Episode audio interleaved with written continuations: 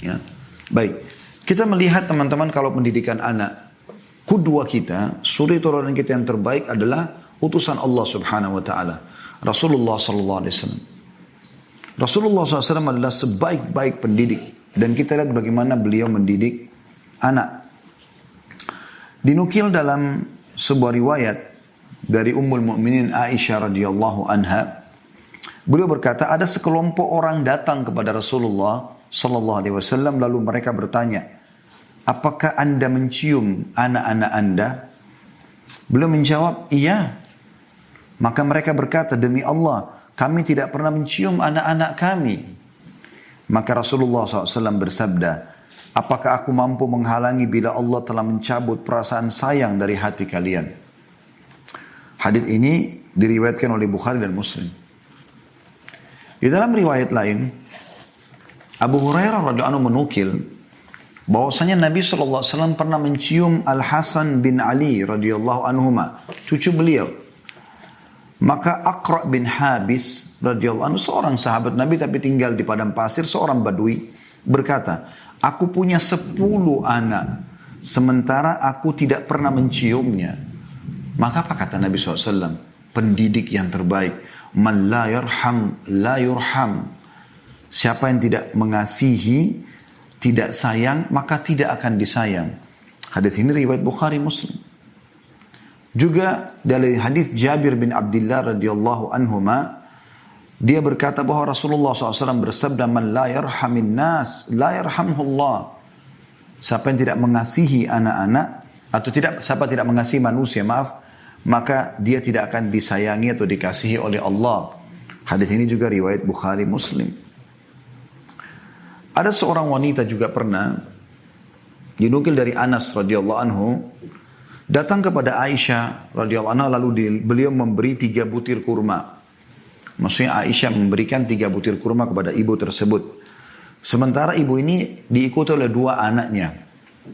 Maka ibu tersebut pun memberikan anak-anaknya masing-masing sebutir kurma. Dan ibu pun itu memegang satu butir kurma. Sementara dia lagi asyik ngobrol dengan Aisyah, tiba-tiba kedua anaknya sudah menghabiskan kurmanya lalu meminta lagi dari ibunya. Lalu ibu tersebut dengan penuh kasih sayang membelah dua kurma yang dia belum makan, kemudian dia berikan kepada kedua anaknya. Maka kata Aisyah radhiyallahu anha, aku kagum dengan sikap ibu ini.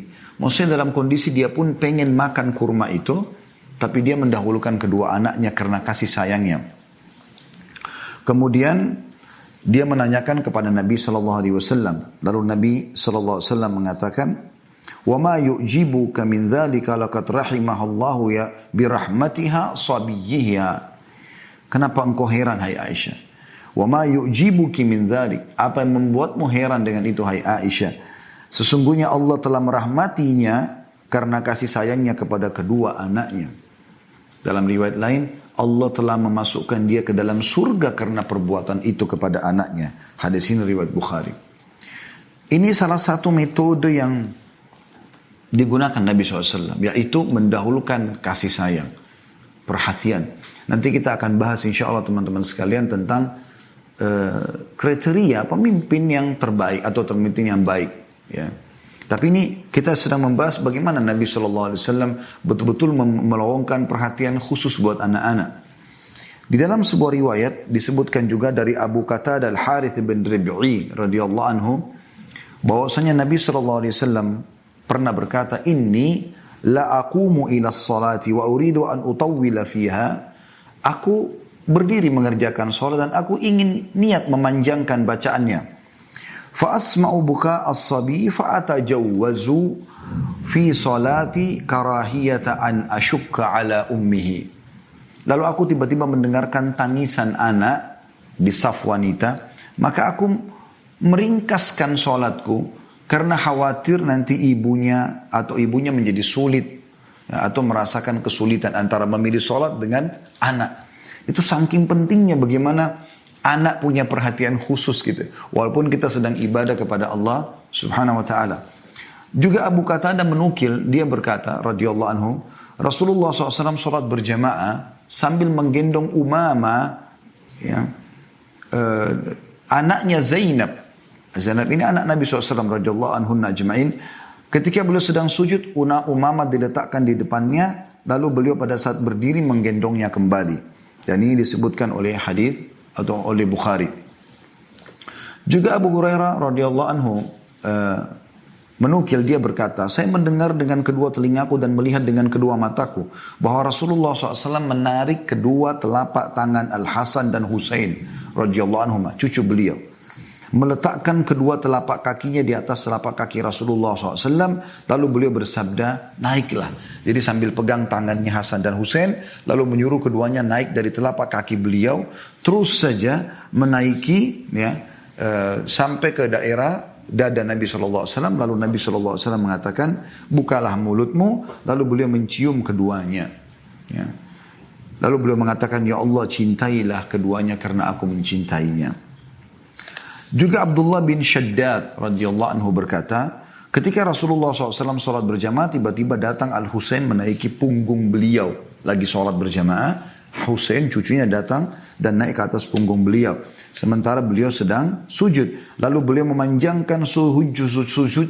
Beliau memanjangkan sujudnya hingga para jemaah mengira ya terjadi sesuatu.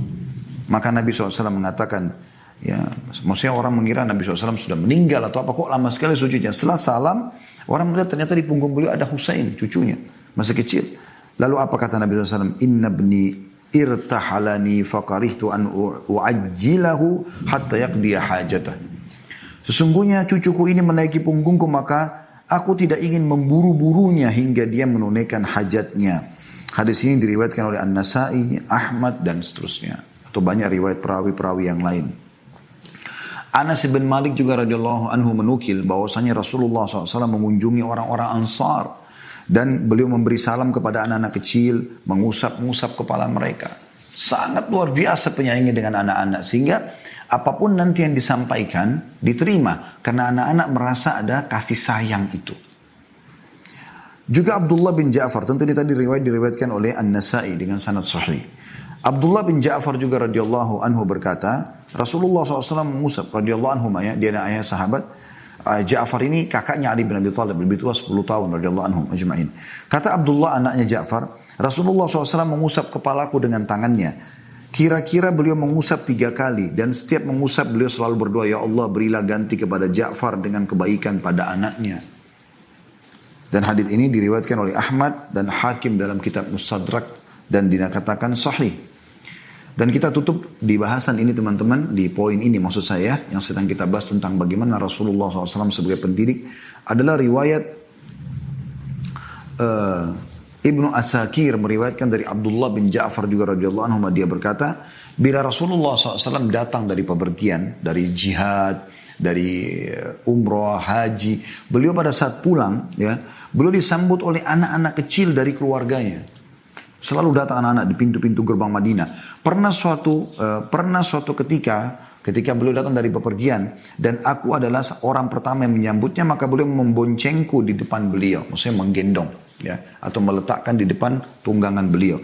Lalu salah satu dari kedua anak Fatimah Hasan Hussein datang. Lalu Rasulullah SAW memboncengnya di belakang beliau hingga kami masuk Madinah bertiga dalam atau naik satu tunggangan.